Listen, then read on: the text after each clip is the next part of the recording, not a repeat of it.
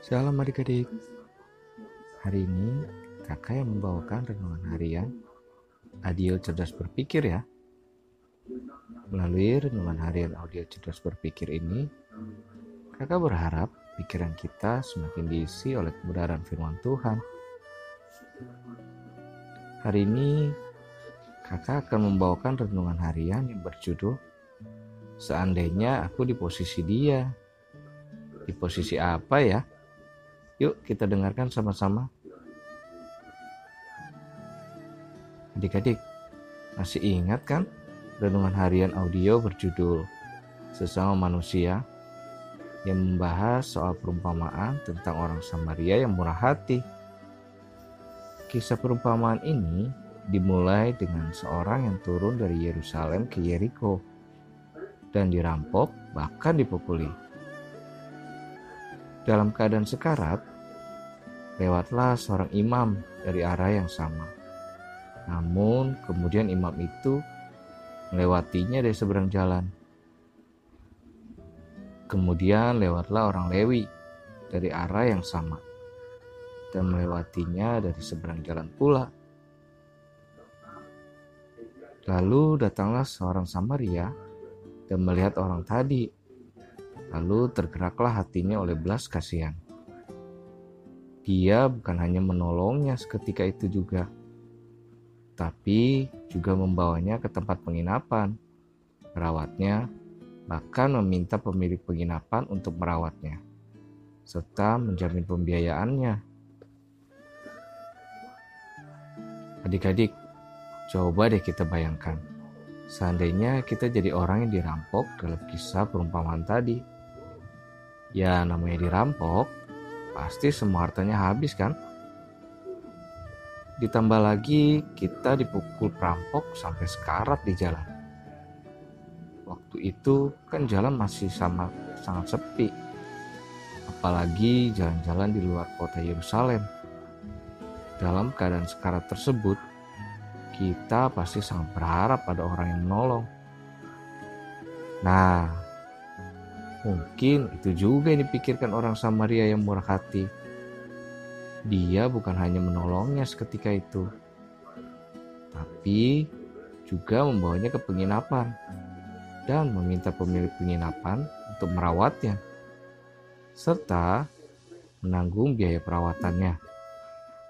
Itu karena orang Samaria tersebut tahu bahwa yang namanya habis dirampok, ya pasti nggak ada uang sama sekali.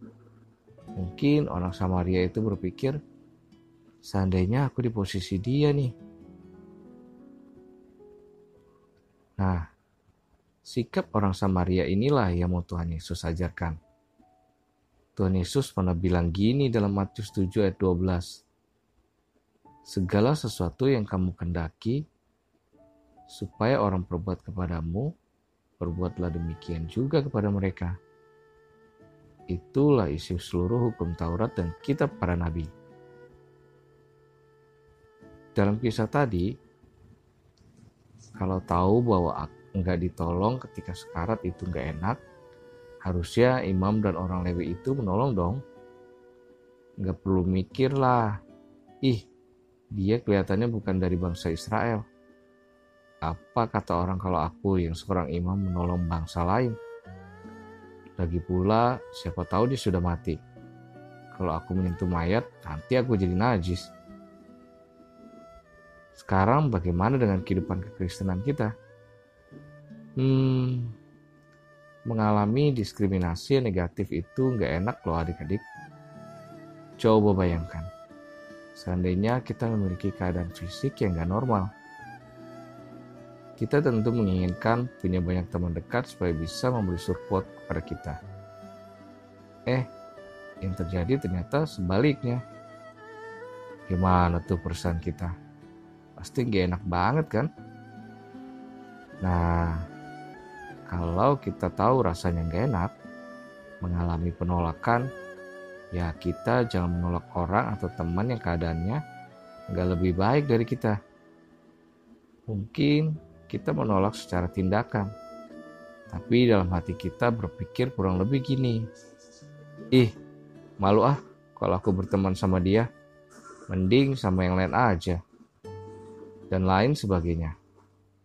Nah, ya ini juga salah. Karena Tuhan mau kita memiliki karakter yang unggul. Bahkan dalam hal pola pikir loh.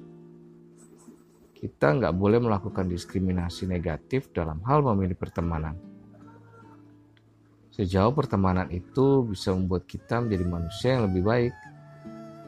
Hmm, siapa tahu orang lain melihat sikap kita yang sangat baik. Lalu mereka memuliakan Allah deh. Mereka bilang, orang Kristen baik-baik banget ya.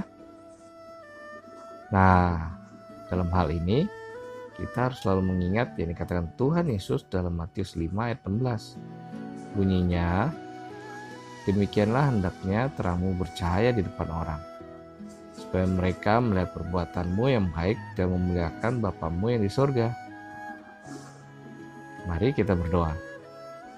Tuhan, ajarilah kami untuk kami selalu mengerti setiap kondisi kami, bahkan orang-orang di sekitar kami buat kami semakin mengasihi orang lain seperti kami mengasihi diri sendiri. Biarlah kehidupan kami terus memuliakan Tuhan dalam kehidupan sehari-hari. Terima kasih Tuhan Yesus. Amin. Terima kasih adik-adik. Terus mendengarkan ya. Tuhan Yesus memberkati. Dadah.